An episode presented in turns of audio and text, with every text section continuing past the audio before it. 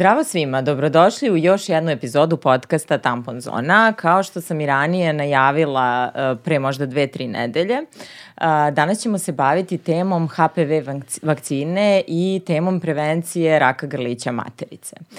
Kao što i sami znate, u nekim prethodnim i ranijim epizodama sam se već donekle bavila ovom temom, ali mislim da je, s obzirom da je od 22. juna 2022. godine dostupna vakcina u domovima zdravlja, mislim da je važnije nego ikad da govorimo glasno o njoj, da razrešimo neke dileme ukoliko ih imamo i da zapravo saznamo šta su to prave i proverne informacije.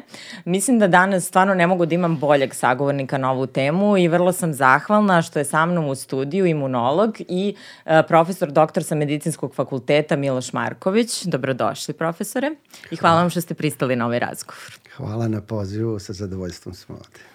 Pričali smo malo pre i pre ovog razgovora, jako mi je drago što ste pristali, znam da verovatno lekarima nije najomiljenije i profesorima da idu iz medija u mediji da pričaju neke priče, jednostavno imate važnija posla, bavite se mnogo važnim stvarima, ali evo ja mogu odmah na početku kao medijska radnica da vam kažem da, da svaki vaš govor u javnosti je mnogo važan, jer i sami znate koliko danas svedočimo jednoj eksploziji različitih informacija i koliko je lakše nego ikad da poverujemo u neprave informacije. vidimo i koliko i pseudonauka se razvija i koliko je postalo to sve popularno. Uh, Tako da bitno mi je bilo da va, uh, baš vi budete danas ovde, jer ste nekako stvarno izvor proverenih informacija, pričat ćemo dalje da. uh, o tome. Uh, kako se vama čini danas, eto, kad govorimo o tom svetu informacija i uh, medicine? Da. Šta je za vas prava informacija? Eto. Pa prvo, da ponovim, ja sam sa velikim zadovoljstvom prihvatio vaš poziv i sa zadovoljstvom sam ovde. Ja se, ja sam imunolog i profesor. Ja se prevasno bavim edukacijom, na nekom način i prosvećivanjem i bavim se svim i svačim, svim oblastima imunologija, naročito vakcinama. Ali dominantno ja u stvari učim studente, dakle, neko, i lekare.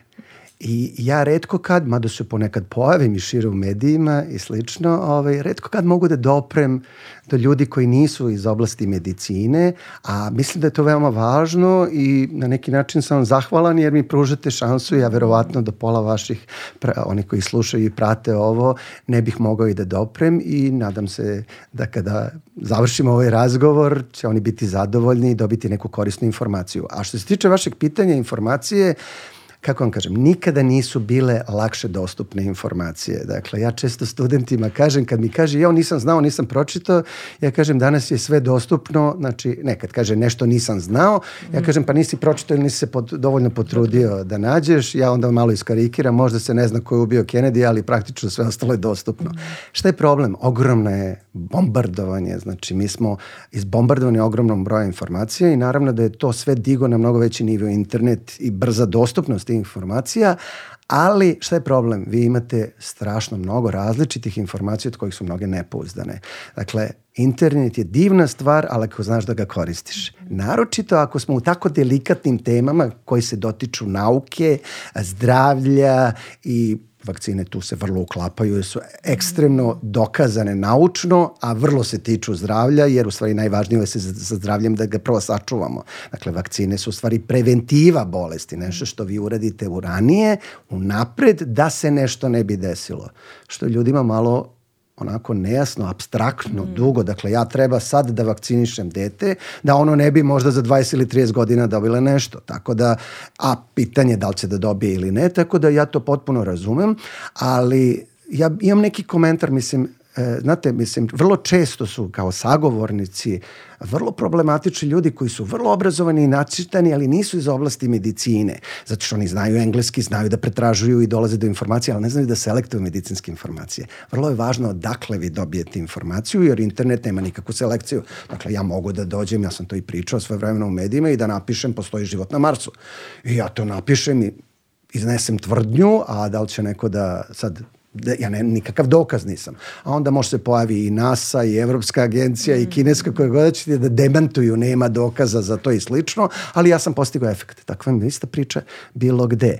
I u stvari zato i smatram da je moje mesto, iako sam lekar realno puno zauzet, da moram da odvojim vreme i da se pojavim u medijima i da odgovorim na neka pitanja i vrlo rado ću onako odgovoriti. Ono što odmah unapred kažem, sve što iznesem Biće sigurno moje ubeđenje, ali moje ubeđenja su bazirane isključivo na naučnim činjenicama. Dakle, šta ja mislim, volim, verujem, to je neki moj lični stav, ali kada vam to prenesem, Ako, e, to će sigurno biti zasnovano na činjenicama, tako da ću verovatno dva, tri puta da kažem možda, ne znam, jer se jednostavno u ovom trenutku to još uvek ne znam.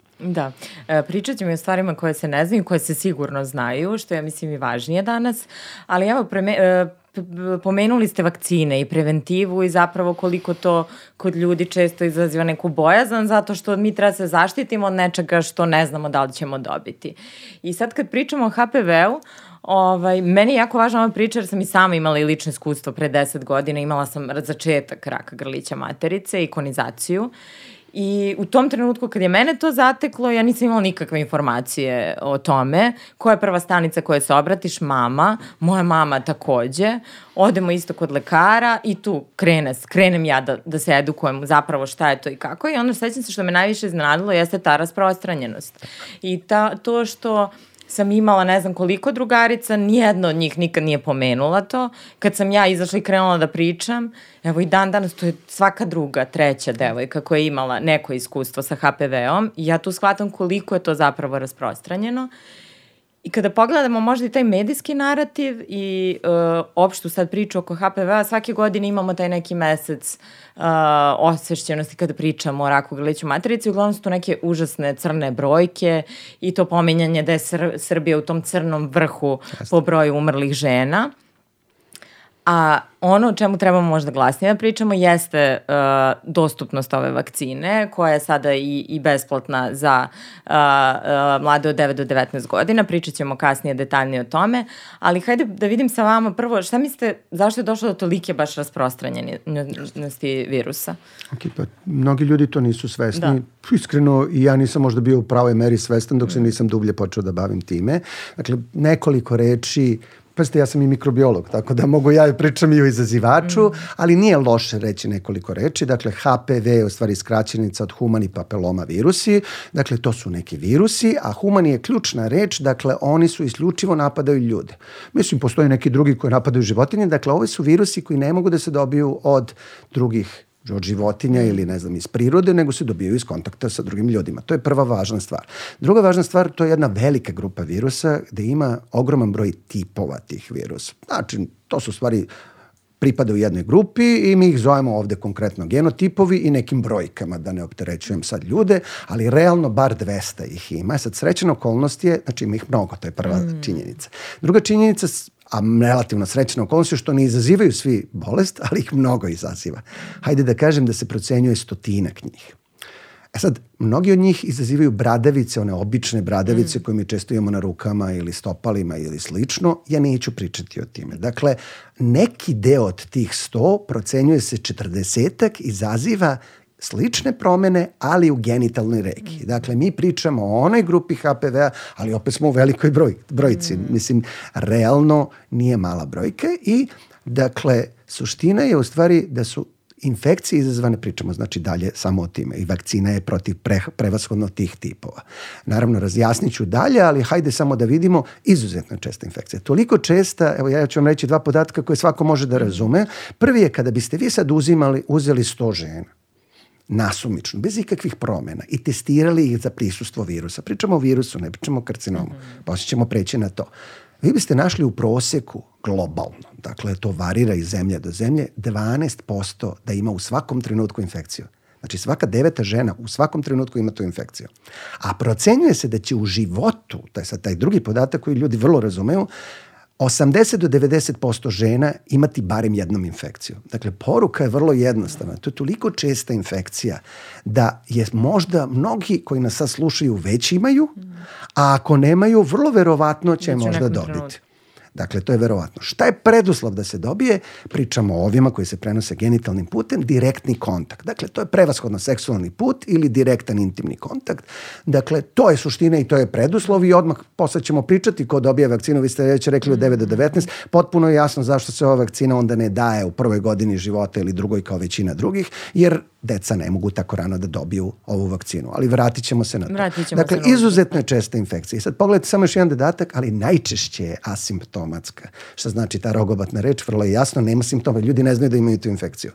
Ili je ta promjena toliko diskretna dok neko to ciljano ginekolog ne pogleda, pa još i potrebi neku lupu ili nešto slično, on je ne vidi. Dakle, ljudi ne znaju da je imaju, a pritom ona daje vrlo je dugotrajna. U proseku jedna infekcija HPV traje godinu do dve dana. I sve vreme osoba je infektivna. Sad, kad sve to ovo stavite, česti su, lako se prenose, vrlo dugo su prisutne, a čovek i ne zna i prenose. Kad kažem čovek, mislim i muškarac mm. i žena. Ja sam pomenuo žene, vrlo je primenjivo to i za muškarce, samo kod njih malo teže testirati. Smatra se da su brojke vrlo slične mm. i kod mm. muškaraca, tako da u stvari izuzetno je četista infekcija. Dakle, to je problem.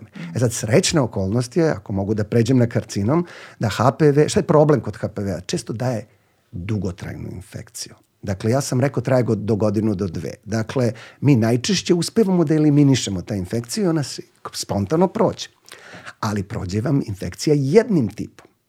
Ali to ne znači da vas imunitet koji ste razvili na taj tip štiti u potpunosti od nekog drugog tipa. Mm -hmm. Dakle, vi možete repetitivno jedno za drugim da dobijate te infekcije.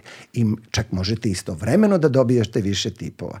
E sada kada to sve uzmete u obzir, naravno jasno je zašto je toliko čest.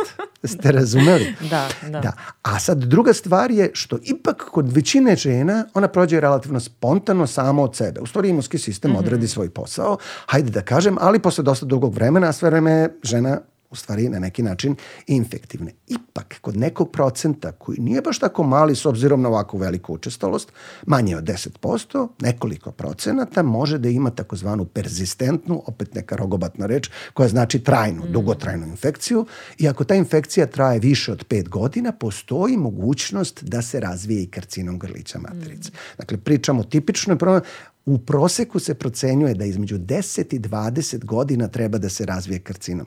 Mm -hmm. Dakle, infekcija prethodi karcinomu 10 do 20 godina u proseku. Mm. Dakle, ali mora sve vreme da bude prisutna. Ako se ne inficirate, ne možete da razvijete. Ako se inficirate, ne znači da ćete da dobijete. Mali procentan, procenat na kraju dobije. Mm. Procenjuje se ispod 1%. Mm -hmm. Ali ako uzmemo u obzir da svaka žena ponekad ima i da mnoge imaju i više puta ili više tipova istovremeno, jasno je da i taj mali procenat kao apsolutne brojke u stvari je veoma veliki. Pomenuli ste Srbiju mm. kao šampiona. Zadnjih poslednjih 20 godina, ako pogledate, to su sve javno dostupni podaci, mm. e, pošto se ovaj karcinom registruje, mi smo po morbiditetu i mortalitetu, što znači morbiditet oboljevanja, a mortalitet smrtnost, uvek u prvih pet mesta. Po poslednjim iz 20. ja mislim da smo treći, ali to je to. Uvek prvih pet mm. mesta. Lepo je biti u vrhu u Evropi, a tu smo negde ne mnogo dalje i u svetu, ali to je lepo kad smo sportu i nečemu, ali ne baš mm. bolesti, nepovoljnim ishodima jedne bolesti koja je, naglašavam, praktično u potpunosti preventabilna, to jest može da se spreči. Da, i mi sad ovde pričamo o vakcini koja, ajde vi me ispravite, ali ovo je neka prva vrsta reka za, leka za rak koja yes. postoji. Mislim, ovo je vakcina koja, ako se da preventivno, sprečava rak i mislim da nismo svesni zapravo njene uh, veličine i važnosti. I ono sad što je meni zanimljivo, sad kad sam imala sam neku anketicu na profilu gde su ljudi dosta, preći će, proći ćemo i kroz ta pitanja i komentare, ali dosta ljudi reaguje na vakcinu kao da je to uh, nešto novo i nedovoljno ispitano. Odlično. Pa možda da nam samo kažete koliko dugo zapravo postoji neki istorijat zapravo, koliko je prisutna uh, dugo vakcina i koliko je to? Odlično je pitanje i vi ste rekli u uvodu da od 22. mi imamo dostupnu da. vakcinu. Da. Realno, ova vakcina, jedna od, objasnit ću sve, od 2006. postoji. Mm -hmm. I realno je ona bila vrlo rano dostupna i kod nas, ali nisu Nije ljudi bili svesni, da. morala je da se kupi I ja znam neke koji su se i pre pet ili sedam godina i deset vakcinisali, ali je to bilo vrlo redko. Ja potpuno razumem ljude koji kada nešto čuju, njihova percepcija da je to novo. Ja to mogu da prihvatim kao to, ali suštinski ovo je daleko od nove vakcine. Dakle, ona je registrovana 2006. Mi pričamo o punih 17 godina. I u nekim zemljama, naročito u Americi i Australiji, je praktično u programima imunizacije daje se, ne samo što je registrovana i dostupna, nego, nego se daje nekih 16 do 17 godina. Mislim, pričaš, prešli smo 15 godina iskustva. Zašto ja to naglašavam? Prvo, zato što je to dug period, a drugo, zato što, vi ste rekli, ova vakcina protiv karcinoma, mi to stvarno znamo. Mi to nismo mogli da znamo posle tri godine, zato što za razvoj karcinoma treba dugo vreme. Sada već imamo dovoljno dugo vreme i iskustvo da mi vidimo da je to stvarno vakcina protiv protiv karcinoma. Ako ćemo iskreno, ona je registrovana 2006. a znači nekoliko godina pre toga, tamo krajem 90. godina su krenule prve studije. Jer da biste vi registrovali vakcinu i morate uraditi vrlo kompleksne studije, naročito za ovako gde treba da se čeka, da se vidi rezultat. Tako da mi pričamo o iskustvu od preko 20 godina. Znate, 20 godina je mnogo akumuliranog znanja i ja volim na mojim prezentacijama kada pričam ovako na, u tom vidu sa PowerPoint prezentacijom da nađem jedan slajd da ja odem na klasičan pretraživač radova naučnih i pogledam, to je 16.000 i nešto je bilo poslednji put pre dva meseca kad sam ja to uradio. Pa znate, znate šta je 16.000 radova? To je ogromna količina. Mislim, ljudi, po dobro, kao ne deluje mnogo. Ako čitaš tri rada dnevno, tri rada pročitati dnevno, boli te glava. Mislim, naučnih i tako dalje.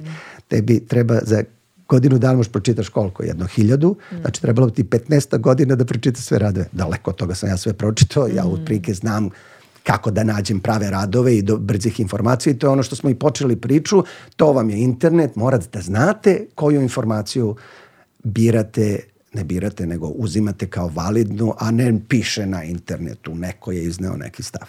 E, da, jedno od pitanja, sad ću se nadovežem, pa ćemo da se vratimo na to kako radi uopšte vakcina, ali je bilo jedno od pitanja uh, gde je neko pitao, eto, kad biste vi morali da izdvojite 4-5 dokumenta koji su vama bili neki dokazi da je ova vakcina nešto zašto želite da se zalažete i da podižete svest u njoj, koji su to neki naj, vaši najvalidniji eto, dokazi i istraživanja koje to pokazuju? Dobro. Znači, to možemo da odimo generalno za vakcine i za ovu konkretnu za ovu, vakcinu. Za, ovu, za, ovu, da. za generalnu vakcinu, da. samo da kažem, moje ogromno iskustvo sa različitim vakcinama da. i ono što osjećam potrebu da kažem je da sve što naši slušalci i gledaoci uzmu na dnevnom nivou od leka, pilule bilo kakve, bilo čega i u, u poređenju s vakcinama je manje provereno i manje bezbedno. Dakle, najbezbednija stvar i najproverenija stvar koju ćete u životu uraditi su vakcine.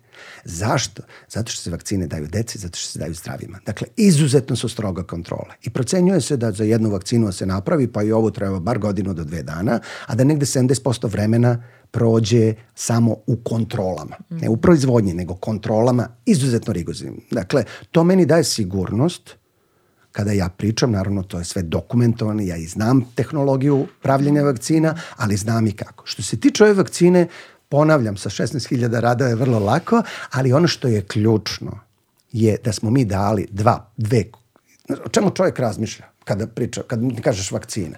On razmišlja da li je efikasna, znači da li ima smisla da dobijem, da li će da me zaštiti i da li je bezbedna.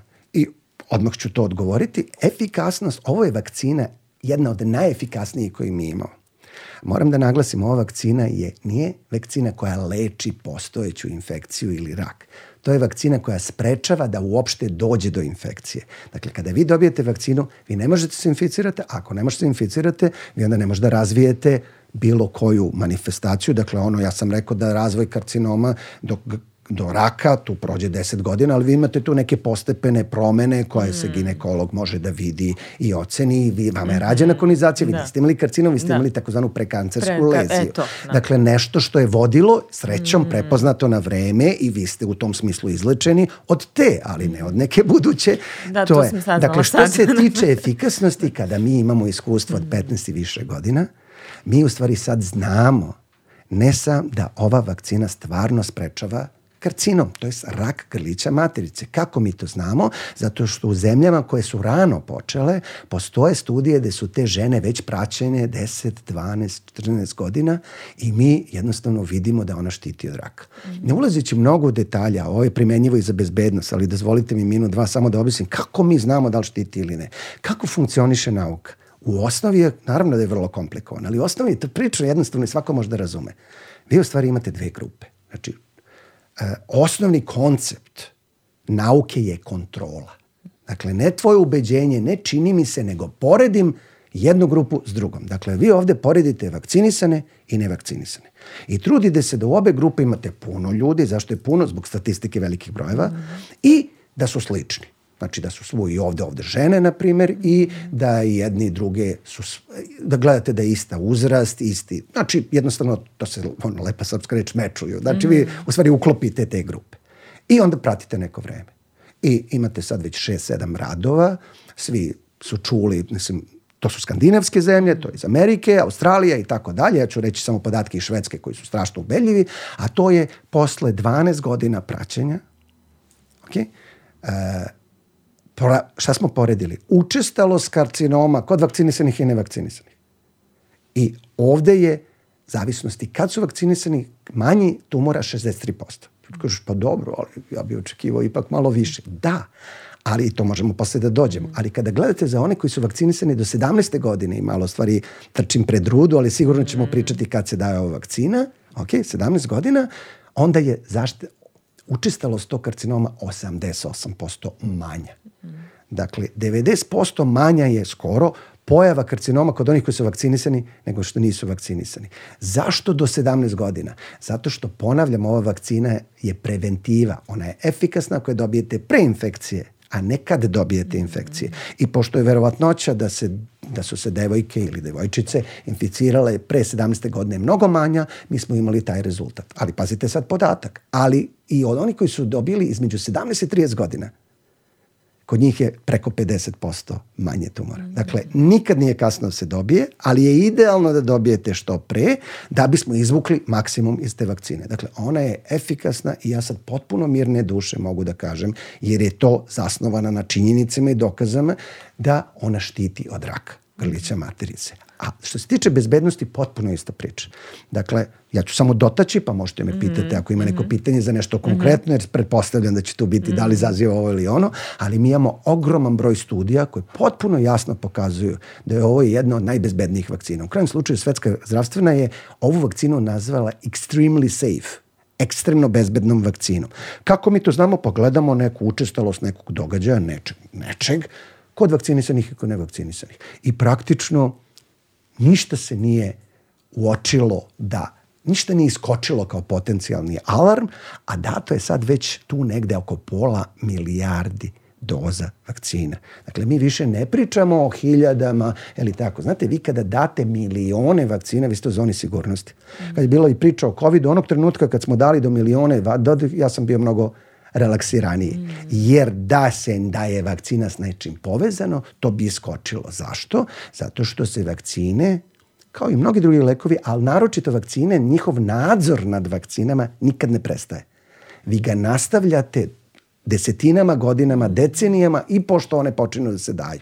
I bilo šta što iskoči, ako se prepozna, iskoči u smislu potencijalno da je povezano s vakcinom, šta se radi? Odmah se ispituje i povlači vakcina. Da. Činjenica da vakcina nije povučena, znači da je ona apsolutno bezbedna. Budite uvereni u to, jer smo mi u istoriji imali slučajeve kada, to je rano, to je davno mm bilo, ali neki slučajevi vakcina gde pitanje koliko su bili povezani, ali se upalio neki alarm, šta su ljudi uradili? Pa naravno su odmah povukli vakcinu. Dakle, činjenica da vi u stvari, da se ona daje, je potpuno jasan dokaz da je ona bezbedna. I nemojte sumnjati u to, jer mi dajemo vakcinu deci i ko je lud da decu namerno izlaže nečemu ili bilo čemu. Znate, to je vrlo važna stvar. Da. Uh, hajde da se vratimo malo na samu vakcinu i da kažemo, bilo je dosta pitanja od kojih tipova, od koliko tipova, pošto stoje, postoji ta dvovalentna, kod nas je dakle pri, na tržištu, kod nas, ne na tržištu, nego domovno zdravlja sad, uh, dostupna devetovalentna, ali tako, devet tipova štiti. Tako je. Postoje tri vakcine, dvovalentna, četvorovalentna i devetovalentna. Mm. Devetovalentna je u stvari ista kao četvorovalentna od istog proizvođača, ona koja je 2006. bila, a ova se pojavila 2013. Dakle, ona je praktično ista, samo su još dodali nekoliko tipova. Mm -hmm. Ja ne bih opterećivao ljude sa brojkama mm -hmm. tih tipova, ali koji su to tipovi? Dakle, ono što nisam ulazio mnogo u detalje, ali evo sad ću bukvalno dve rečenice, od tih stotina tipova, od tih četrdesetak što izazivaju genitalne, srećom nisu svi sposobni da izazovu rak odnosno to se zove onkološki potencijal, mm. dakle da dovedu do toga. Ono što smo mi izabrali, samo nekih malo više od 10, 12 se procenjuje, možda neki više, to su još neka ispitivanja, mogu da izazovu rak. Mi smo izabrali od njih sedam najčešćih u toj devetovalentnoj. Dakle, sedam, koji je bio kriterijum? Oni koji su najčešći i imaju najveći potencijal, najveću moć da izazovu to. To je potpuno racionalno. Drugo, to je sad sedam, gde je još dva. Dva koja su uvečena, oni nemaju to su neki 6 i 11. Nije važno, ali je važno da znamo da mi imamo i ono dodatnu korist, ja volim ono edit value, dodatnu korist ovih vakcina. Dakle, ta dva tipa ne izazivaju karcinom, nego izazivaju kondilome.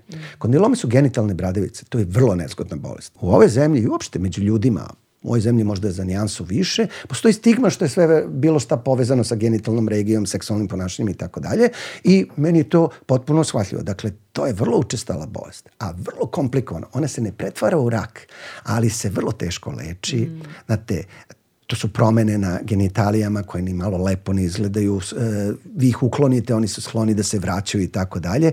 A ova vakcina, ta dva tipa su odgovorna za 90% njih. Mm. Dakle, mi imamo sedam tipova koji su za 90% karcinoma i dva tipa koji su za 90% kondiloma. Dakle, ova vakcina sa velikom verovatnoćom će vas zaštititi Nikad nije 100%, ali verujte mi, kada vam dođe lekar i kaže 100%, uvijek imajte rezervu, jer u medicini ništa nije, ali mi se približavamo, tih 100% će vas zaštititi i od kondiloma i od ovaj, karcinoma, odnosno raka. E sad, mi smo kasno dobili ovu vakcinu. Ja sam rekao da je bila ranije, ali realno smo masovnije počeli da damo kad je država rešila da finansira. Ja vrlo pozdravljam to, to je znači bilo i junu 22. godine.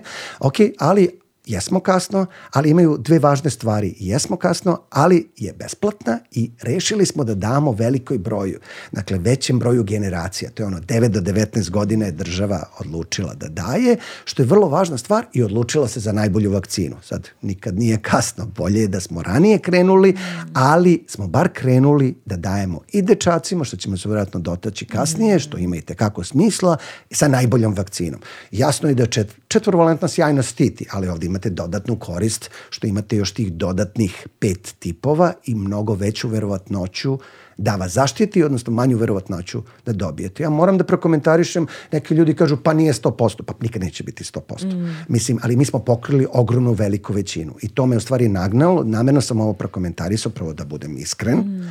a drugo da ljudi shvate da ova bolest nije, ne, ne sprečava se samo vakcinom. Vakcina je takozvana primarna, ona prva koju napred radite, nego redovnim ginekološkim pregledima, takozvanim screeningom. Dakle, dobijanje vakcine ne isključuje, ja mislim da, da, je, da, da treba da idete redovno. Da. Znate, ozbiljne države to rade, ozbiljan screening organizovan. Šta znači organizovan screening? Neko vas zove na telefon, pošalje na SMS i kaže ček, dođi važno, sutra.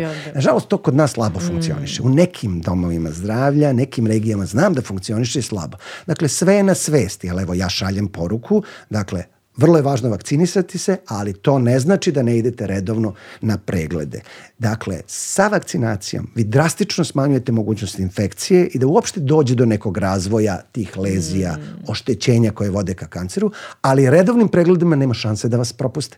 Zato što se to prilično jasno vidi, postoje neki testovi, svi su čuli za Papa Nikolao test, vrlo jednostavan test, postoje neki složeniji koji su vrlo pouzdani i ovaj, ne bih ulazio u detalje, u krajem slučaju to je više tema za nekog ginekologa, ali mislim, ako vi uradite jedno i drugo praktično, a nema žene u miru.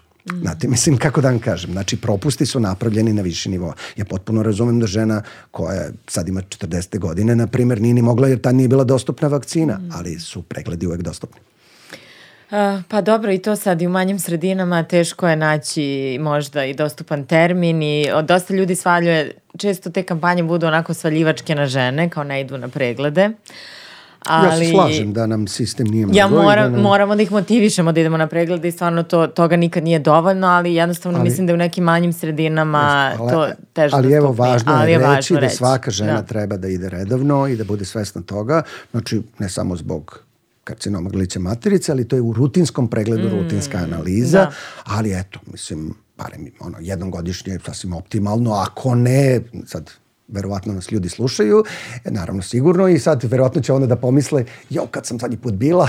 ja uvek to volim da, da adresiram i, i da podsjetim. I, ovaj, da, da. I ako je prošlo godinu dana, pa isplaniraj ako možeš stigneš do nove godine, ako ne posle. Ja potpuno razumem da kada znaš da ne, pa svi smo takvi, znaš mm. nešto treba da uradiš, ali treba uklopiti u svakodnevne obaveze, ali Jednom nađite. godišnje Ma, je stvarno. To sam teo da kažem. Da. Ako je malo duže, nije bitno, ali nemojte čekati pet godina. Da. Uh, hajde sad da se vratimo na taj uzrast. Rekli smo 9 do 12. Bilo je dosta pitanja a šta je najbolje u tom in, vremenskom intervalu, da li sa 12, sa 13 sa, i tako dalje. I bilo je, mislim, najviše pitanja ljudi koji su stariji Odlično. i pitali su na koji način je njima dostupno. To se sada plaća, ali da li je moguće uopšte da je oni nabave i, i na koji način. Ali hajde prvo da vidimo da li postoji taj neki idealni Jasne. pik kad se daje vakcina. Prvo, vi morate uvek da krenete od toga zašto je vakcina registrovana. Mm. Znači, vakcina je lek, spada u lekove. Vi ne možete da date mimo onog što je registrovana. Mm. Ja sam već objasnio zašto se ova vakcina ne daje rano u uzrastu, zato što mm. nema rizika od oboljevanja. Znači, vi uvek dajete vakcinu optimalno onda kada je optimalan trenutak. Što znači optimalno?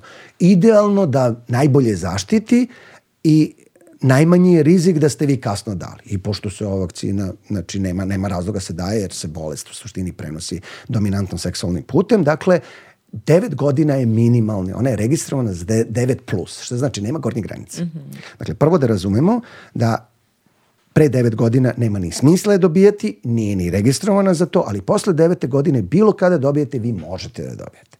Dakle, to nije sporno. I tu niste nikakvom prekršaju, ni logičkom, ni medicinskom, ni zakonskom, ni bilo šta. Ali, ali sad, to je taj aspekt. Ali pravi aspekt je kada je pravi trenutak, što ste rekli, najbliže idealno. E, Studije su inicijalno rađene, moram da objasnim samo mm -hmm. zato što je različito doziranje do 15 i preko 15 mm -hmm. godina, pa ću objasniti. Studije su inicijalno rađene za devojke od 15 do 26 godina. I urađene su i tada je doziranje bilo tri doze. Okay. I tada je vakcina inicijalno bila registrovana za tri doze. Vi ne možete da registrujete vakcinu pre nego što imate studije koje su urađene što je opet daje na ogromnoj meri, znači ne zato što se nekom čini, ne zato što je neko ubeđen, nego zato što studija je pokazala da je efikasna i da je bezbedna.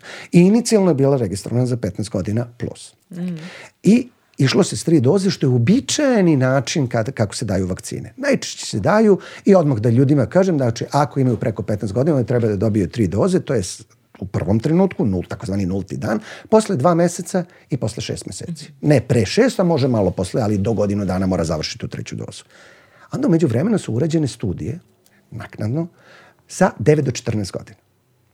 I šta se pokazalo? Pokazalo se da deca sa dve doze kod 9-14 godina odgovaraju isto ili čak bolje nego malo starija deca i mladi odrasli sa tri doze. Mm. Dakle, Odatle proizilazi sada preporuka koja je potpuno jasna. Deca od 9 do 14 godina, dok ne napune 15 dobijaju dve doze, 0 i 6 meseci, a posle 15 tri doze. Mm. Dakle, to je važna stvar. I sad, zašto je bolje dobiti što pre? Iz nekoliko razloga. Prvo, ajde da krenemo od toga, dobiju dve doze, a ne tri doze.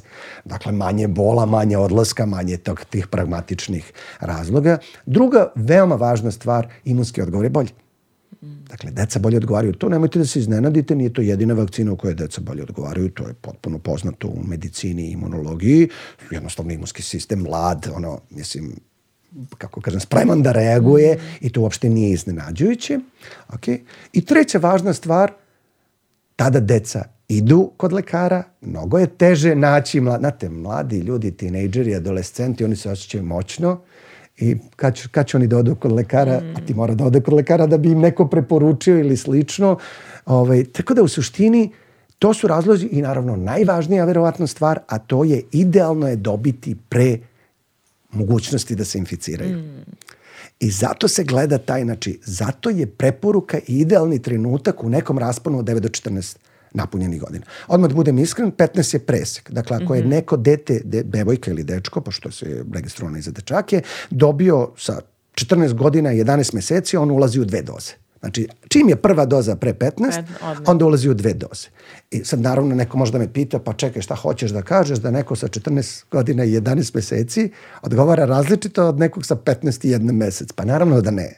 Ali vi morate negde administrativno da, da pravite. Presek. Vi uvek da. preseke pravite na osnovu studija. Koje su, zato sam namjerno objasnio, ovo nisam mm. teo da komplikujem, nego da ljudi da, razumeju. Je, super, sad je svima jasno da. zašto su dve i tri doze. Da. Dakle, idealno je, ponavljam, dobiti u tom nekom rasponu. Sad šta je idealno između 9 i 14? Ko mene pitate 12, 13, 6, 7 razred, maksimalno do osmog, jer tad većina naše dece nije još seksualno aktivno, a ovaj, onako je neki idealan trenutak, u krajnjem slučaju tad imaju i sistematske preglede u školi, pa je, taj, moraju da. da odu u dom mm. zdravlja i uz jednu edukaciju, prethodno informisanje, u suštini i te kako mogu da dobiju. Dakle, to je idealno, ali odmah zarez, ali nikad nije kasno. Mm. Dakle... I ne postoji, to ste rekli, gornja granica apsolutno ne postoji. Ne postoji. E sad, da. pričamo o tome kome kako daje, tako da. Ova država se odlučila da pokrije 11 generacija, to se stručno u nauci zove kohorta. Kohortova su vam svi rođeni u jednoj godini. I naša kohorta u ovoj zemlji nije mnogo velika, 62, 2-3 hiljade. Znači nama se rodi 62 do 3 hiljade beba svake godine. I znači kohorta je oni koji pune 11 godina u toj godini, mm -hmm, 12, znači mm -hmm. mi smo mhm. pokrili 9 do 19. Okay? Ali realno bilo bi bolje, kažem do tih nekih 15, ali država je odlučila da svi oni mogu da dobiju besplatno. Čak i ako krenete sa dva dana pre napunjenih 20 godina, vi ćete proći kroz tu priču i dobiti sve besplatno. Dakle, niko vas neće zaboreti. Bitno je započeti. Iskreno, neko iz moje bliske porodice je tako bukvalno dobio pre nekoliko. Požurili smo, eto sve danas, sutra, danas, sutra. Mislim, realan je život, ali uspeli smo da je vakcinišemo da. i, ovaj, i o trošku države. Ali to naravno ne znači da neko ko ima 20 godina, sad opet se ta priča, šta hoćeš da kažeš da 19 godina sad ima više razloga neko neko s 20. Opet je država ova presekla negde i ja bih volao ipak da ona to proširi do 26 godina, jer je to uobičajeni pristup u svetu, to se zove catch-up imunizacija. Vi se fokusirate na mlađe, ali radite catch-up, ono, da nahvatate što kasnije i nekako 26 je bilo uobičajeno u većini zemalja. U krajnjem slučaju tu poku, pro, po, ovaj, pokrivate i deo populacije s kojim ja najviše radim i najveće zadovoljstvo imam da radim to sa studenti. studenti da. I ja sam često promovisao vakcinu i pričao na tribinama koje su ono po 300 ljudi me slušalo i tako, ali uvek se na kraju završeno i pitaju pa gde da dobijem, što nas ne stave. Ja nekako uvek apelujem, i sad koristim priliku da država malo proširi tu granicu, idealno do 26 godina, tako da, ovaj, eto, a nadam se, ali moram da budem krajnje iskren. Čak i da se to ne desi, mi pričamo samo da li država plati ili ja to platim. Mm. Verujte mi, ova vakcina važ, kako kažem, vredi svaki dinar uloženo nju. Ja iskreno ne znam koliko košta. Ona nije mnogo jeftina, ali nije ni toliko skupa ako odemo u neku galeriju ili neki drugi tržni centar i gledamo koliko koštaju krpice koje kupimo. Svi mi volimo da lepo izgledamo, a ova je neka investicija za život. Treba i da se dotiknemo koliko štiti dugo i tako, ali eto, to je neka priča. Naravno, ovaj, nikad nije kasno, ali je bolje što pre. I moram tu da prokomentarišem. Neko će da kaže, pa da li ja imam 23 godine, ja sam se sigurno inficirala do sada ili slično. Tačno, tačno. Ali i vrlo malo verovatno da ste se inficirali sa svih devet tipova. Dakle, za neke će vas sigurno zaštititi, a moram odmah da, da odam vrlo važnu stvar, a to je mit. Mm -hmm Sad da vi pitate koji je bolji imunitet, da li da preležim infekciju ili da se vakcinišem? To je bilo pitanje koje se pojavilo pa, jedno 20-30 puta. Pa potpuno mi je jasno. Da li je taj prirodni imunitet, pošto i kad pričamo i o drugim vakcinama, ja, ja sam susrala na primjer sa tim za uh, varičele, za, postoji vakcina zapravo za varičele, da, da je to kako bilo kao prirodni ja imunitet. Deca, e, kako ne postoji? Ja nisam, nažalost, ali ne. dobro. Nisam znala da postoji, kasno sam shvatila, ali uvek je to, da li je taj Jeste. prirodni imunitet mnogo jači pa evo, nego... Vrlo ću vam iskreno da. o, izgovo, ovaj, odgovoriti na ovo pitanje. Dakle, u nekim slučajevima je nešto bolji imunitet posle prelažene infekcije nego posle vakcine. To što nije sporno. Ali, vi tu imate rizik infekcije i posledica te infekcije koji su nekad i smrtni ishod. Mm. Dakle, ako preživiš, imat ćeš bolji imunitet. Drugo, to nije svugde primenjivo. Vi imate i tekako nekoliko vakcina u kojima je potpuno jasno pokazano da te vakcine indukuju bolji imunitet u smislu efikasnosti, dužine trajanja i tako dalje nego prirodna infekcija. Verovatno najbolji primer je HPV infekcija, odnosno HPV vakcina. A evo objasnit ću, bez ulaženja mnogo imunologiju, ljudi će vrlo jasno shvatiti. Ova infekcija, ja nisam ulazio u detalje, ovaj virus voli samo epitelne ćelije. Dakle, epitelne ćelije su koža i sluzokoža. Mm. I on samo uđe u njih i samo je praktično on samo ne, ne prođe uopšte u dublje delove tkiva, ne prelazi u krv, ne ide u druge organe, dakle on je samo Povrće. lokalno. Mm.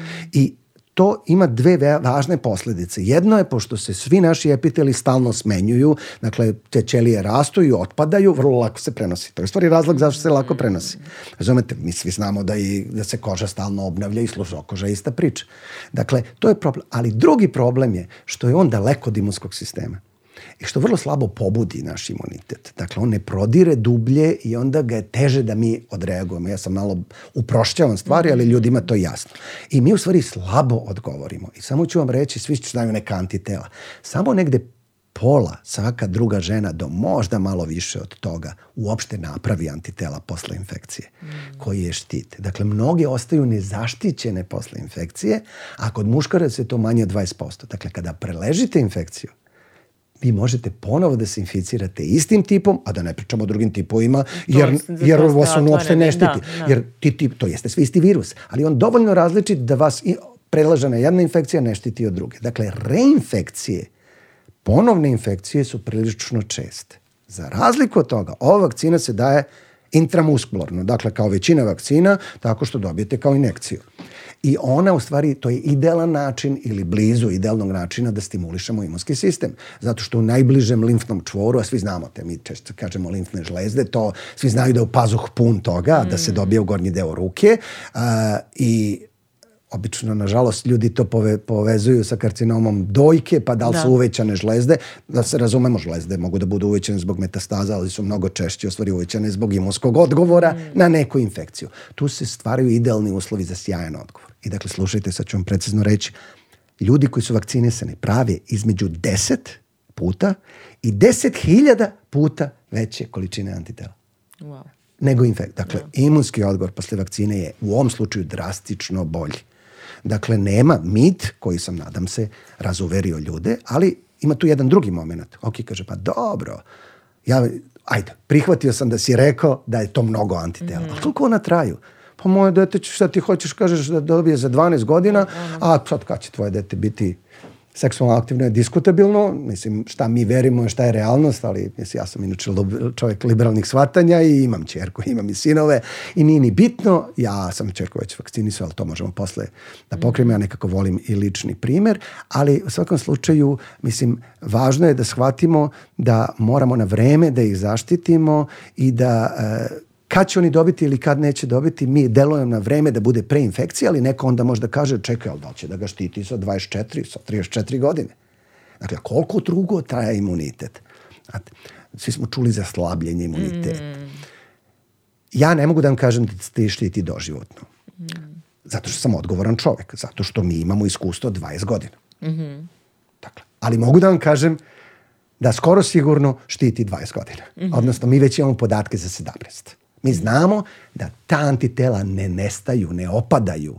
Svi gledaju kroz prizmu sad COVID vakcina. To je malo druga priča. Mm -hmm. COVID vakcina i sam virus se menja. Ovaj virus je vrlo stabilan. Dakle, mi znamo da vakcina štiti, to jest ne opada zaštita ja mogu otvoreno kažem, decenijama. Mm -hmm. Ja se ne bi iznenadio da je doživotno. Ovo spada jednu od najboljih imu, vakcina u, sa aspekta indukcije imunskog odgovora. Dakle, nije prerano dobiti zato što imunitet traje. Mm. I to je vrlo važno. Zato se ide na opt. Zašto je to idealan trenutak? Zato što je preinfekcije, a vi ne dovodite u pitanju zaštitu sa protokom vremena. Mm. I zato je idealno, što smo rekli 12-13 godina, odnosno pre 15 godina, i nije prerano, ja potpuno to redovno dobijam pitanje i zato sam ga naglasio. Dakle, imunitet je sjajan, Imunitet je bolje nego infekcije i imunitet je dugotrajan, a iskreno ja se ne bi iznenadio i da je doživotan. Ali je svakom slučaju decenije, ja mogu to odgovorno da kažem, a i vi možete da budete mirni da ćete biti decenijima zaštićeni. E sad, dečaci. Treba se da bi, naravno. Dečaci, o dečacima se ne priča. Mislim, baš negde nema ih u tom narativu i često uopšte nisu uh, targetirani kao neko ko treba da primi vakcinu i Uh, ja sam u nekom od naših prethodnih razgovora, ja sam uh, bila na jednoj edukaciji koju ste vi držali, ja sam zapravo prvi put tu čula i koje posledice po njih zapravo tako. mogu da budu. Tako da možda tako, i to da podelim. Tako da ne, vrlo je važno. E, prvo, e, ja sam malo pre zaboravio, ali stvari rekao sam, ali ja nisam nazvao to tako. Mi smo krenuli kasno, ali smo krenuli sa takozvanom polno neutralnom vakcinacijom, gde smo uključili dečake, što je trend u svetu i već preko 50 zemalja u svetu je uvela to. Ok. Ja potpuno, ja, ali kad sam pričao o studijama, ja sam stalno pominjao devojčice. Inicijalno su sve studije rađene na devojčicama. Na devojčicama, aha. Ali mi moramo da razumemo jednu stvar. Pokazano je da je efikasno kod njih. Do skora, do kraja ove godine, u vak, u, ova vakcina nije proizvođena u dovoljnoj meri koliko je trebalo. Mi smo tek sada na trenutku, pričam globalno, mm. da proizvođači proizvedu dovoljno vakcina koliko treba. Zašto ja to naglašavam? Zato što u tom slučaju tom slučaju prednosti, prednost su imali one kod koga znaš da je efikasnija, to je karcinom grlića materice, da. to su devojčice. Ali mi smo sada došli u situaciju gde više dostupnost vakcine, ja ne pričam da li zemlja se odluči da kupi, ali nije više razlog da nema vakcine, mm. do sad nije bilo. Dakle, i onda se prešlo i na vakcinaciju dece. Dakle, ja opravdavam zašto to nije bio tolikoj meri Jasne, prisutno ranije jer je imalo svoje da. etičke, moralne Jasne, razloge. Da. Naravno, bogate države su ranije krenuli. Mm. Amerikanci 2011. 13. Australija i tako dalje. Znači, mi imamo zemlje koje preko 10 godina daju i dečacima mm. i imamo vrlo ozbiljne rezultate. E sad, samo vrlo kratko da ali predstavim rezultate. Ali dečaka mi štitimo i devojčice. Mislim. Naravno, ali da. mi možemo i obrnuto da kažemo. Da, ali evo sad ću da vam da. objasnim priču. Prvo, ja sve vreme pričam o karcinom grlića materice. Dakle, HPV virusi, neki od ovih koji sam pričao, ne svi, ali tu je 16 neki, su povezani sa još pet karcinoma, još pet, znači ukupno mi pričamo o šest karcinoma, dakle šest rakova, kako bih rekao u množini, ne znam ni koji je pravilan gramatički izraz, nije ni važno, od kojih su još četiri u genitalijama, dakle vulva, penis, anus i vagina, ali ono što ljudi ne znaju i takozvani orofaringijalni karcinom, su, to je malo orofaring, vam je u stvari usna duplja. Mm -hmm. Najčešće su to krajnici ili zadnji deo jezika i tako, koji je inače taj orofaringijalni češći kod muškaraca i relativno nepovoljne prognoze. Kasno se otkrije, nema baš mnogo terapijskih opcija, koji su mnogo efikasni i smrtnosti kod muškaraca 2 do 4 puta. Dakle, muškarci ne mogu da dobaju karcinom grlića materice, ali mogu neke druge karcinome koji su izazvani istim tipovima virusa koje su sadržani u vakcini. Dakle, to je prvi najbitniji razlog. Dakle, mi štitimo muškarce od bolesti koje oni mogu da dobiju, koji su izazvani HPV-om i koji mogu da budu i smrtonosne. A da ne pričamo o kondilomima. Druga stvar ste vi dotakli – Glavni prenosioci su muškarci jer kod njih je tek asimptomatski. Ne znaju da imaju i prenose, dakle mi presecamo lanac prenošenja. Okay. Naravno, neko može da kaže, pa čekaj, ali ako ja vakcinišem žene i ti muškarci nemaju od koga da dobiju. To je relativno tačno. Tačno je za heteroseksualne, ali to je efekat tek kada vi imate preko 80% vakcinisanih. Ja bih voleo da mi imamo 80%, onda bi verovatno imali neku drugu temu. Mm. Da mi imamo 80% vakcinisanih. Mi smo ljudi u ovom trenutku, ja znam podatke s početka septembra, na 3,7% vakcinisanih, znači ispod 5% onih koji imaju pravo da dobiju. Znači, mhm. pričamo samo o 19%. 19%. Da. Znači, a to je mali da. Dakle, ove zemlje koje sam pominjao, Amerika, naročito Australija, svi su čuli Australija je iskorenila, pazite, eliminisala i iskorenila nije ista reč. Kad kažete iskoreniti, znači da nema više uopšte bolesti, nema izazivača. To nije realno za HPV. Da, da, to. Ali eliminisati kao realan problem, nego da to bude sporadična pojava, dakle kao stalno prisutan problem, to je vrlo realno i Australija je procenila da će to postići već 2035. godine. Zašto? Zato što oni imaju velike obuhvate. Šta je obuhvat? Procenat u nekoj generaciji koju vi dajete, oni to rade u školama. I oni to rade već o, ogrom, tamo ne možete da upiše škola i ne možete da u vrtić ako znači, niste vakcinisani. Ne, vrtić može, nisam tačno rekao školu, Škola. zato što je kasnije davanje, sad sam napravio lapsus, ali potpuno jasno ljudima. I uh, obavezna vakcinacija. I kako da vam kažem, oni su sa godinama iskustva postigli da vi više nemate od koga da dobijete HPV. Zato što su svi zaštićeni.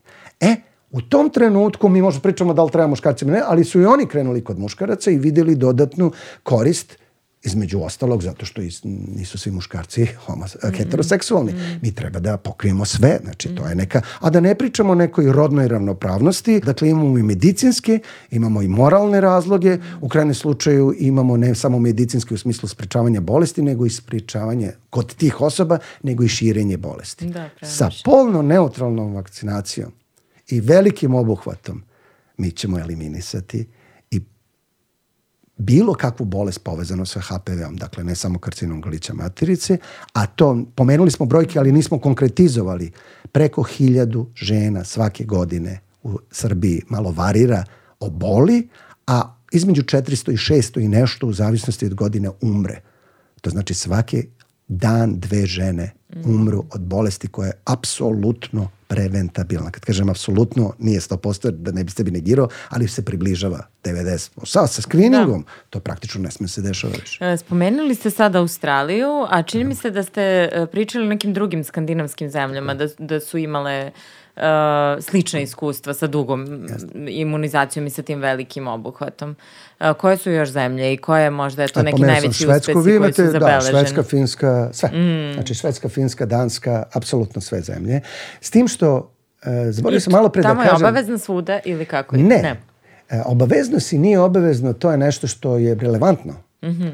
I što je relevantno i za našu zemlju. I mislim, ja bih volao da je HPV obavezna, jer onda ovaj, kad je preporučeno, ljudi često percipiraju da je to manje manje provereno, novije i tako dalje. Ti moraš da, po našem zakonu, kad je preporučeno, moraš da daš pristanak, mm -hmm. da budem krajnje jasan. Sami adolescenti, ako imaju punih 15 godina, mogu sami da daju.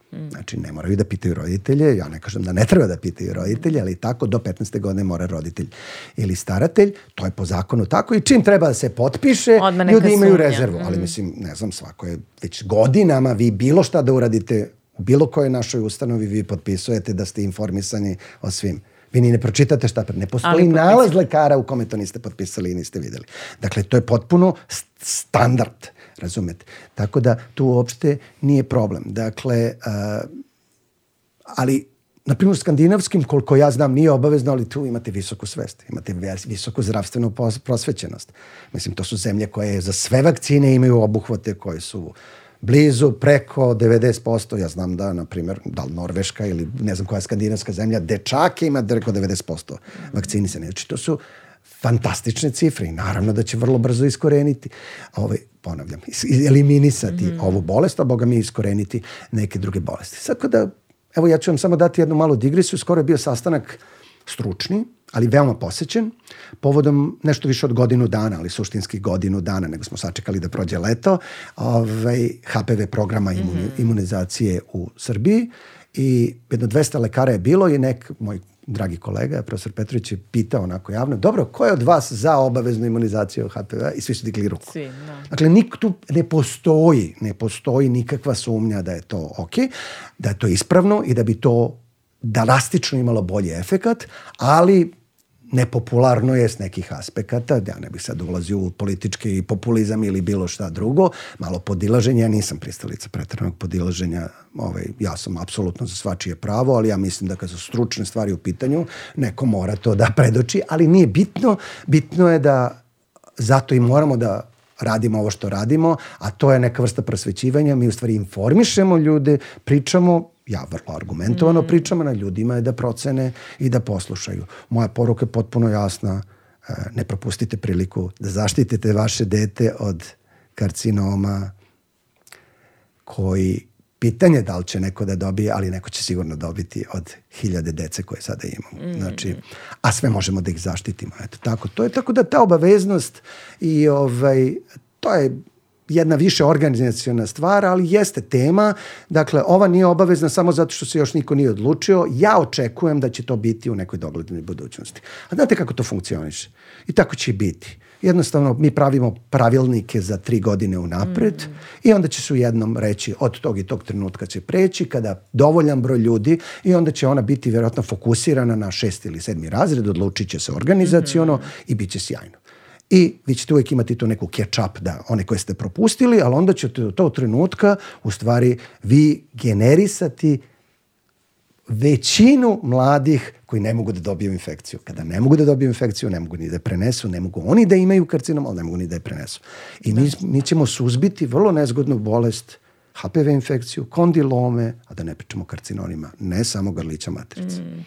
E, sad, e, brojni komentari koji su dolazili jesu na račun pedijatara i meni se jako svidalo što sam videla da ste vi imali brojne edukacije u Čačku, išli ste po Srbiji, mislim da je to jako važno i da uh, nismo svesni koliko neki zdravstveni radnici nisu senzibilisani, nisu dovoljno možda edukovani na neke teme, ne znaju kako da im priđu.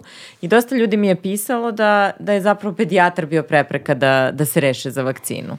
Da oni budu ti koji Pa ne moraš, baš taj prirodni, možda zagovarači tog prirodnog imuniteta i tako dalje. Koliko je bitno to, taj rad sa pedijatrom, koliko je Pa, vama pazite, je to važno? Mislim, kako da vam kažem. Znači, prvo ja moram da budem korektan i kolegijalan. Drugo, ja sam duboko ubeđen da ogromna većina lekara, a naročito pedijatra za vakcine. Znači, to uopšte nije sporno. Postoje sporadični slučajevi, ali ja stvarno ne bih njih ulazio. Ogromna većina jeste i to uopšte nije sporno, a ja moram da, onako, kako da vam kažem, stanem na stranu pedijatara zato što oni jesu stub imunizacije. Znači, na njihova pleća vi imate i vakcine za odrasle, ali većinom oni podnose to. A ono da kažem žargonski ne znaju ljudi da udaraju od posla. I nije lako, meni je lako sad da sedim zato što imamo dovoljno vremena, ali ti kada ti je puna čekaonica, imaš 15 minuta da sve uzmeš i anamnezu i vidiš zašto je neko bolestan, pa treba još i da pričaš o vakcini, nije im lako. Ono što jeste činjenica, ja, ja jedan veliki deo mog posla je u stvari edukacija pedijatara i to, ja sam vrlo posvećen tamo, ali ja moram da vas uverim. Ja sam predavao različitim grupama lekara. Najbolji, ono što bi rekli štreberi su pedijatri. Oni su vam najzahvalniji. Oni vas slušaju, oni upijaju i oni to sprovede delo. Njima samo nije lako, ali je činjenica da, kako da vam kažem, ima na svakakvih, pa neki jednostavno ne znaju dovoljno i ne osjećaju se dovoljno komforno. Dakle, nisu oni protiv.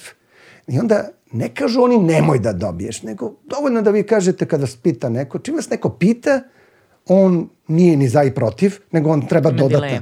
čim mi kažete pa, znači to on je važan.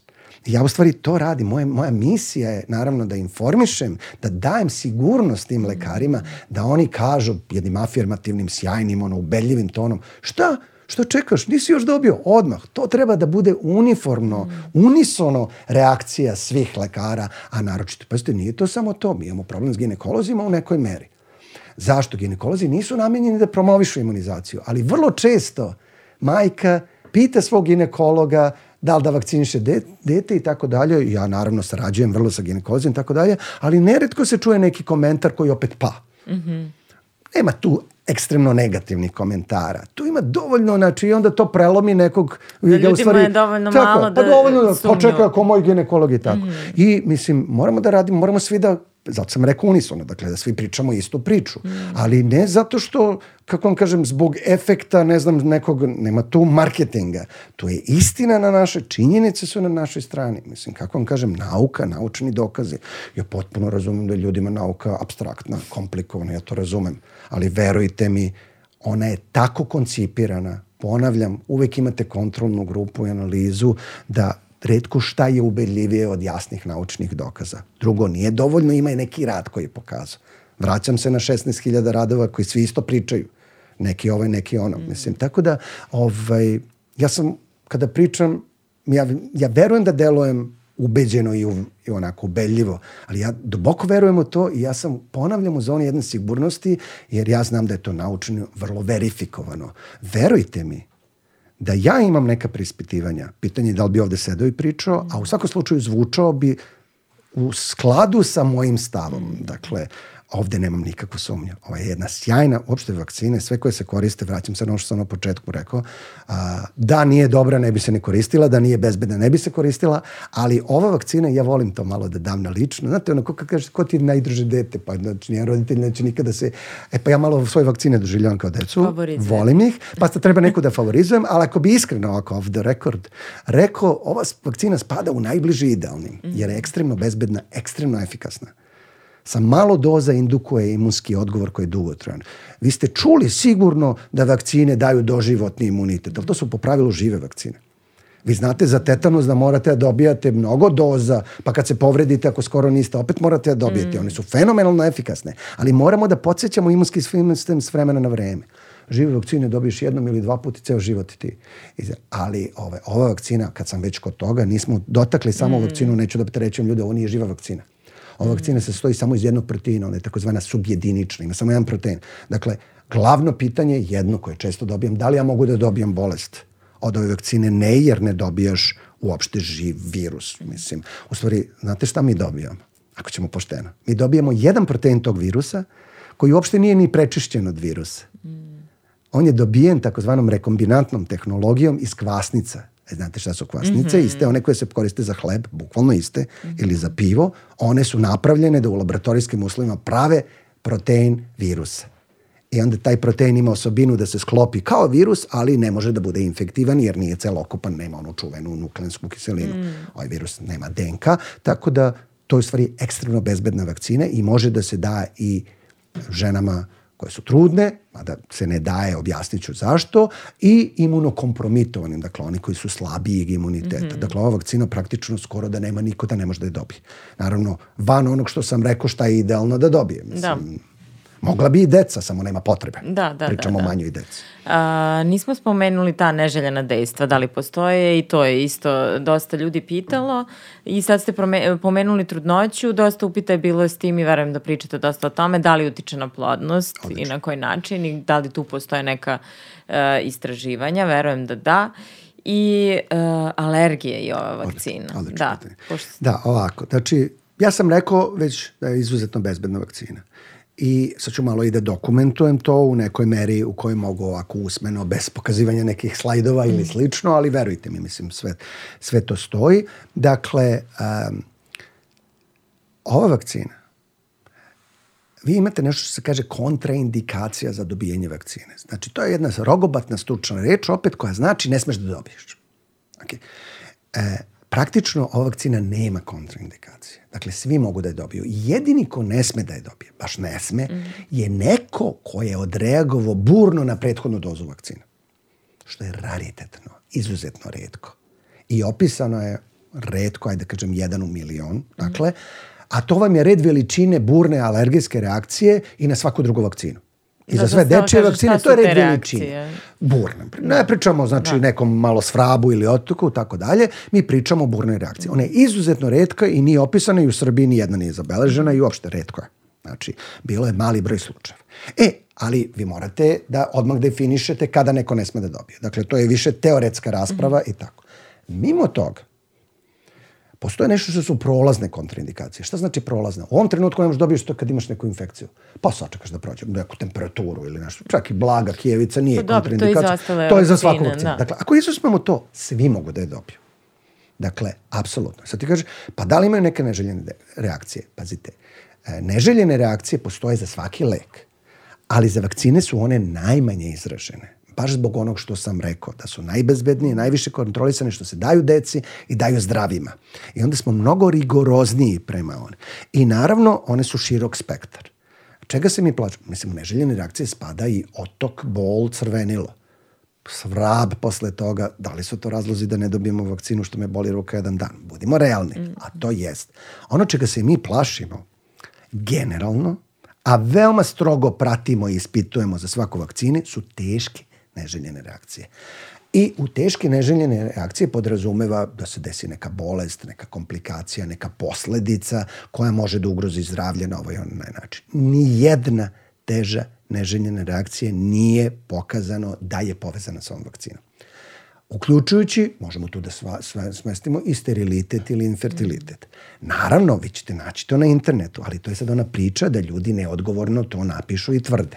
E sad, Zašto sam ja opet zoni sigurnosti i mogu ovako beljivo da govorim? Zato što kada neko napiše bilo šta, a ova vakcina je naročito ranije povezivana sa svim i svačim. Ja sad mogu da vam nabrojim 10 do 15 stvari autoimunske bole, neurološki poremećaj i tako dalje.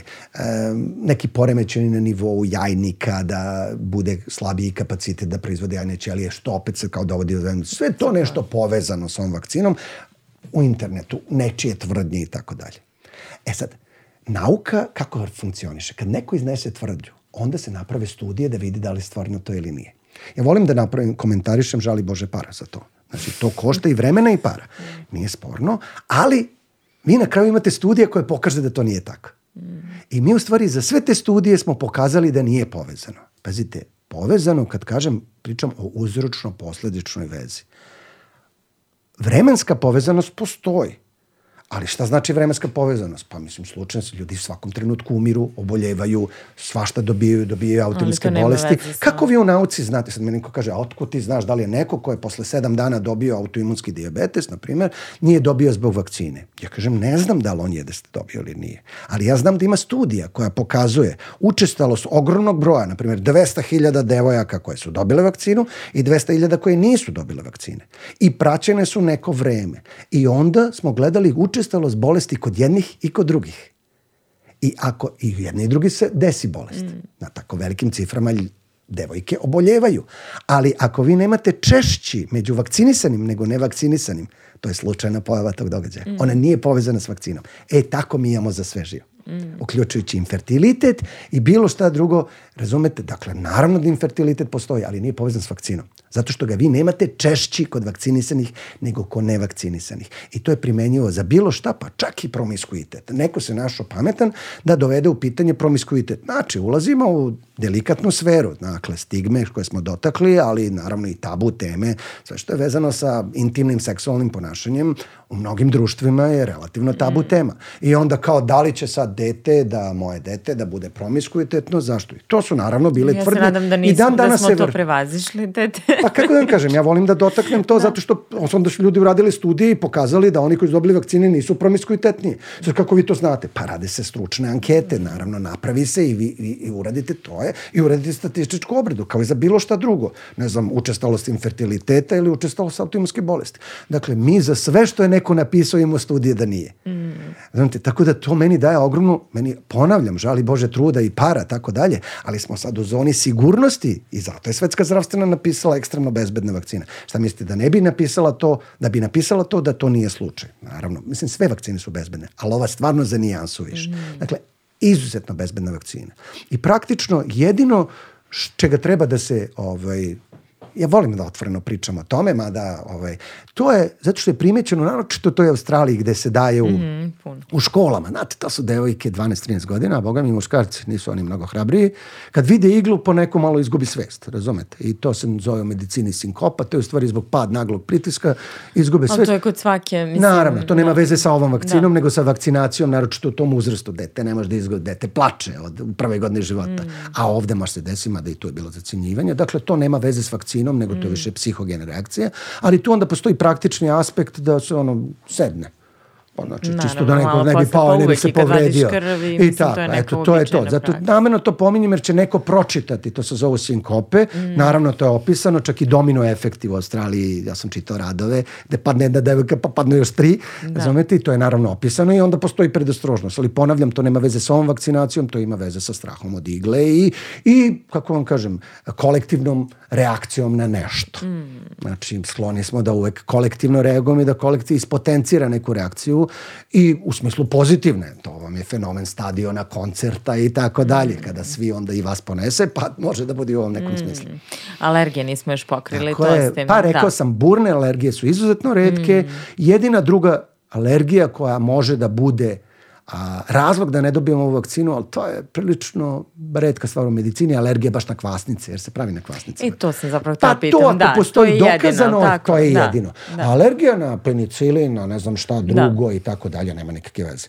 Jer kako vam kažem, nije, pritom alergije nisu problem zato, jer se vakcine zato i daju u kontrolisanim uslovima. Mm. Postoji antišok terapija. Ako i vi odletite, uđete u neku alergiju koja je izuzetno redka situacija da se desi, lekar će odreagovati. Tako da ja se ne prašim toliko alergija, pogotovo za vakcine koje se daju uvek u nekoj ambulanti gde uvek mm. imate obučeni kadar.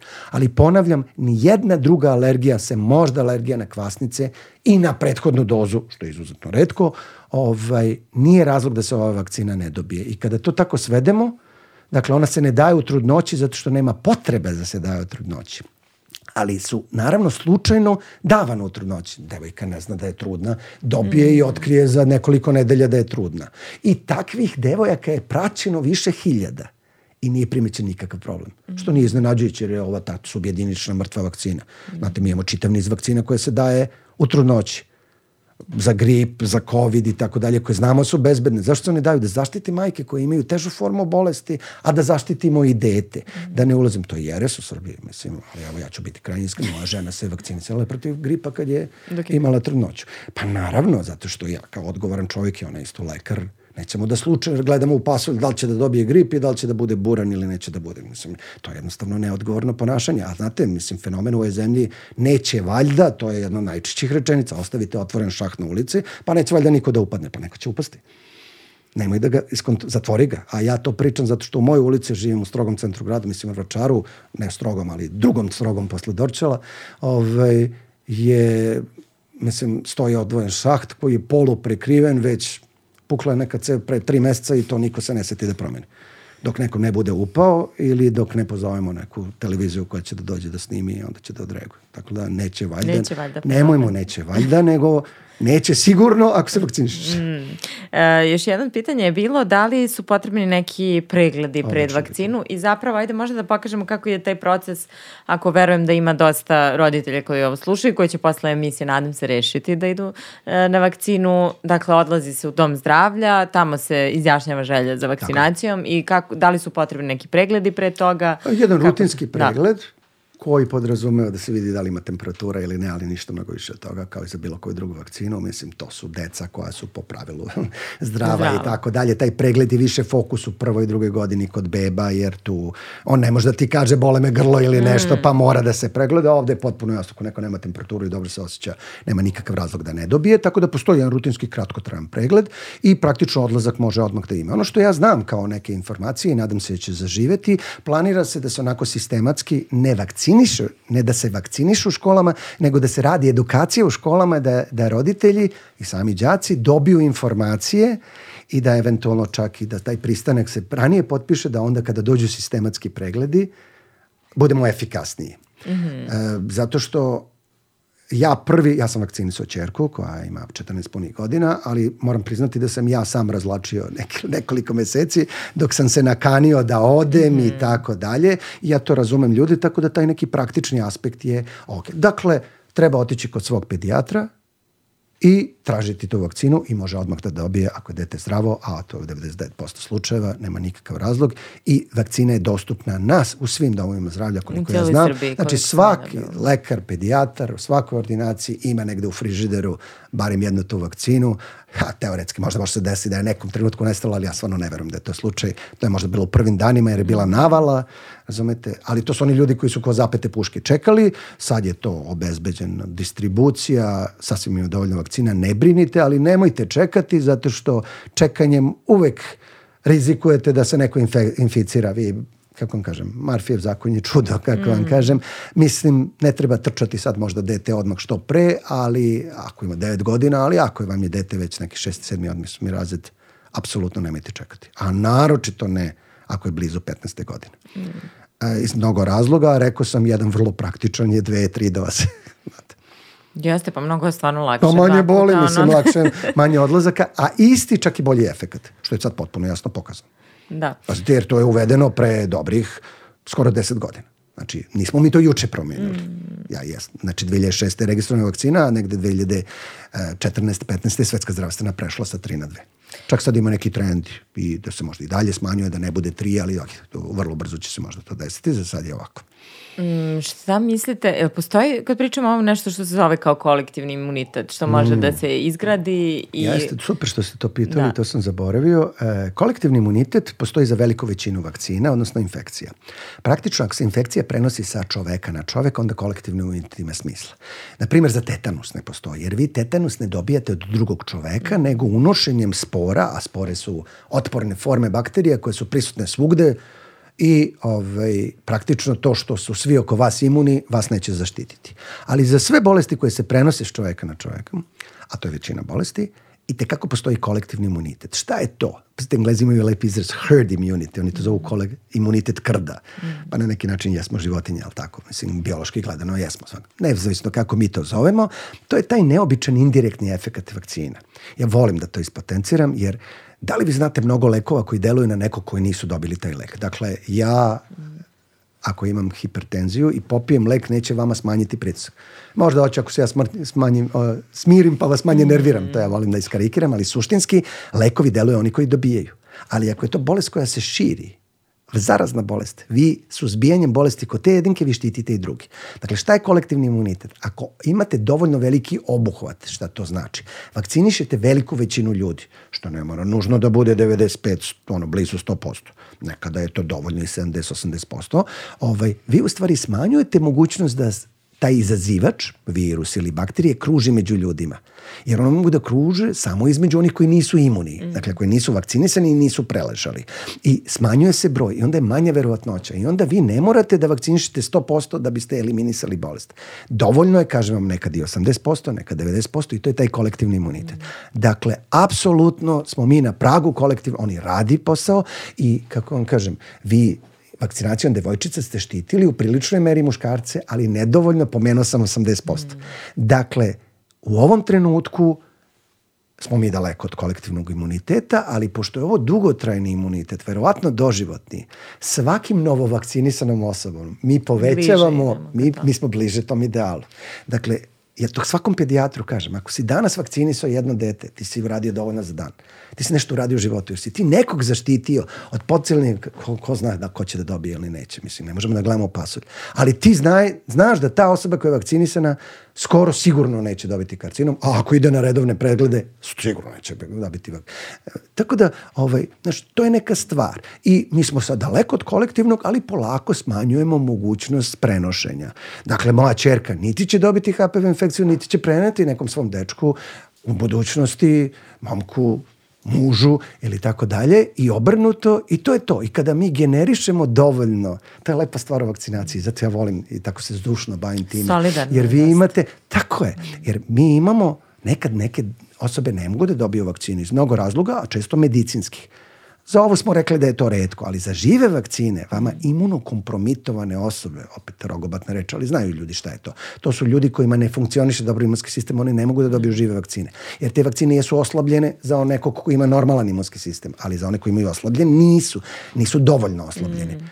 I mi jedini način da štitimo tu decu, a tu, na primjer, spadaju male boginje MMR čuvena priča, možemo neki drugi put da pričamo i o tome, mislim, nije ni važno, ali mislim, to je isto fenomen gde nama obuhvati padaju i onda ćemo da kukamo i čupamo kosu kad nam se vrati bolest. Ja ne mogu da verujem i dalje, skoro sam opet pročitala neku statistiku koja je baš poražavajuća. Ne znam šta vam kažem. E, činjenica je da mnogi odlažu zbog te neke priče o autizmu, sad konkretno kod MMR-a, ali nije ni to dobro. I Sećate se da smo imali početkom godine srećom iskontrolisano epidemiolozi i uopšte naša medicinska služba je odradila posao pa uspela da izoluje mm. ove slučajeve pa se nije proširilo, ali smo samo pre nekoliko godina imali 15 mrtvih i veliki broj obolelih. Od bolesti koja je preventabilna. sam isto Naravno, stalno da, ima. Znači, tako da, kako vam kažem, mislim, vratit ću se na floskulu, vakcine su žrtve svog uspeha. Ljudi su malo zaboravili na bolesti da svako zna nekog komšiju, nekog iz razreda, nekog iz šire ili uže porodice, koji je imao neku bolest. A tako je bilo nekad sa dečijom paralizom. Svako je znao nekog s dečijom paralizom. Mm. I znate vi kada je prva vakcina za dečiju paralizu bila u Americi, da su bili redovi da se dobiju vakcina. Studija obuhvatila preko milion ljudi. Bili su, bili su se da dobiju vakcinu. Jer su svi znali, sad smo zaboravili jer te bolesti nema. Ali svi moraju da budu svesni. Nema ih samo dok se vakcinišemo, jer je izazivač prisutan. Mi smo uspeli da iskorijenimo samo jednu bolest, velike boginje. Tu dečiju paralizu možda ćemo, na putu smo, ali nismo još uspeli. Svi ostali izazivači su tu. I čim smanji obuhvat, to je broj, poraste broj osetljivih, oni koji mogu da dobiju, i pojavi se virus. Jer on inače nevidljivo kruži. Pazite, nema ne, odsustvo pojave bolesti ne znači da nema izazivača. Mm. Znači samo da imamo imunu populaciju.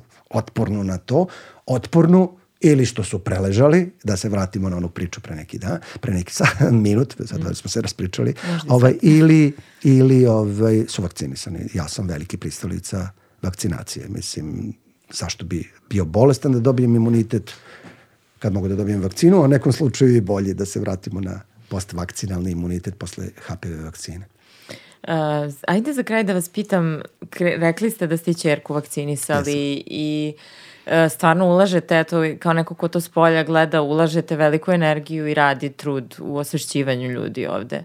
Um, koliko je vama važno da govorite o ovoj temi i koliko vam znači kad saznate eto, da ste bar jednu osobu danas, a verujem da će ih biti više, od ovih koji slušaju, da. ubedili da ode na vakcinu. Da. Eto, kako je vaša Mnogo mi znači. Prvo, ja imam troje dece čerku od 14 i dva sina od 12 i 10 godina. Njih dvojicu još nisam vakcinisao samo zato što on će uskoro stasati, šesti razred, vjerojatno sledeće godine ću ga vakcinisati, kada dođe, zbog te praktičnosti, kada bude bio sistematski, a i naravno onog najmlađeg ću vakcinisati. Dakle, nikako sumnju.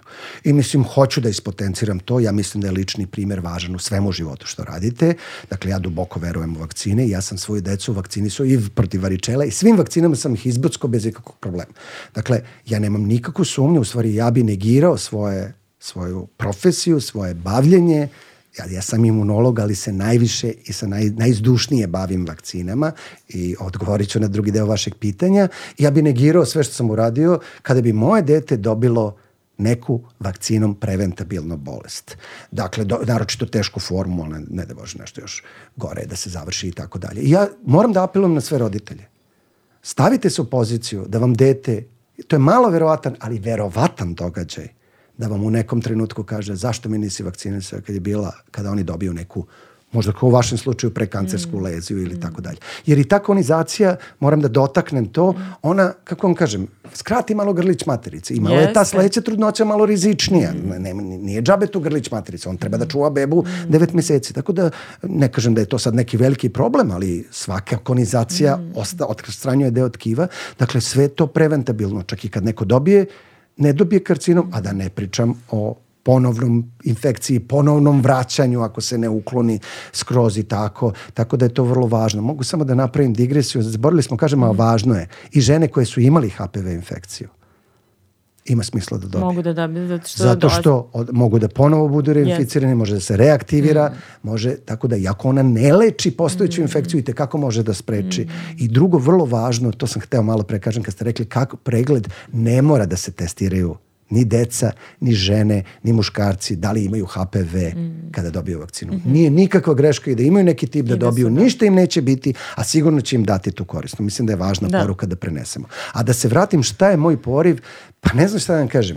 Ja sam svoj svet, svoj život posvetio prosvećivanju edukaciji. Uh, medicina je široka ja sam možda iskreno malo i zalutao medicini kad sam video pravu kliničku medicinu, ali onda sam se veoma našao u edukaciji. I ovaj, naravno, inicijalno, kao što sam rekao, pre svega edukujem buduće doktore, ali te kako je doktore, a ovakav moj angažman u stvari širi još više priču. Uh, ceo život sam posvetio tome i ponavljam uh, sama svest da sam, da ako neko ovo sasluša i neko se vakcinisao posle toga i ponavljam ono što sam rekao, neko će biti zaštićen, jer znate, svaki stoti razvija karcinom. Ako se danas, posle ovog sto njih vakciniše, mi smo spasli jedan karcinom. Mm. Razumete, to je ono 1%. Ja, wow, da. Razumete, znači mi ćemo sprečiti samo ovim razgovorom sigurno neki karcinom za 5, 10 ili 15 godina. Ja mogu da shvatim da je ljudima to abstraktno. Da sad treba nešto da dobiju za budućnost, ali vreme leti, svi smo svesni toga. I ovaj, uh, kako vam kažem, ja duboko verujem u vakcine, one su veoma naučno ovaj, dokazane.